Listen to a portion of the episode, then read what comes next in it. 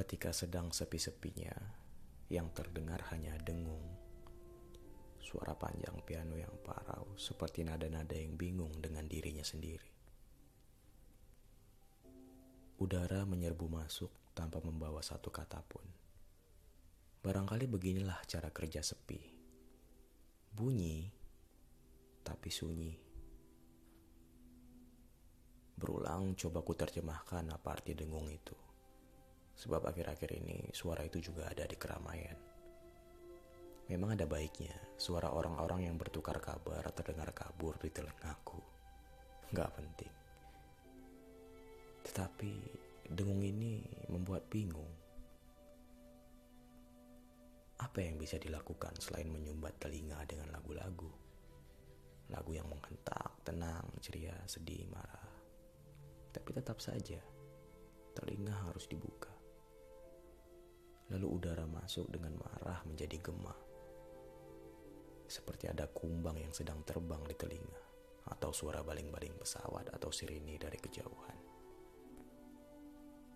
Suara gema itu menyiratkan sesuatu tapi masih juga aku nggak tahu.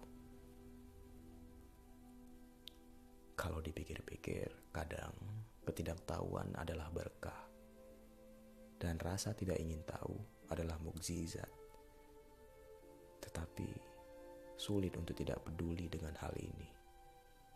Sebab dengung berkepanjangan menjadi satu-satunya musim di telinga.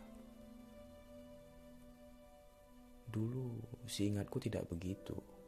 Suara gema ini mulai mengganggu ketika aku mulai memutuskan untuk menunggu. Menunggu udara masuk membawa kabarmu. Tetapi Kata-kataku sendiri saja tercekat di ujung lidah ketika temu. Sesederhana menyapa, tapi rasa takut menyapu semua itu. Di seluk-beluk gema telinga, tak banyak kata yang ingin ku cari. Hanya ingin tahu, ada tidak kabarmu di antara dengung itu? Semoga kau tidak baik-baik saja.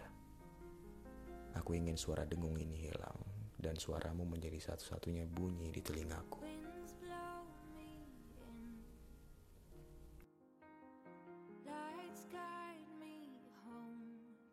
town I've once known. It all made sense to me back then.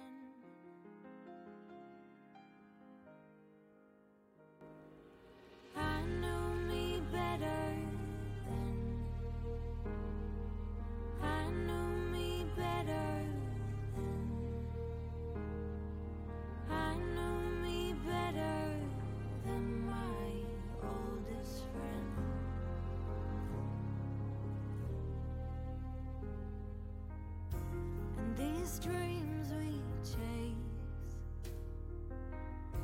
Are we the fools for losing our self control as our futures lay in all these hands but our own?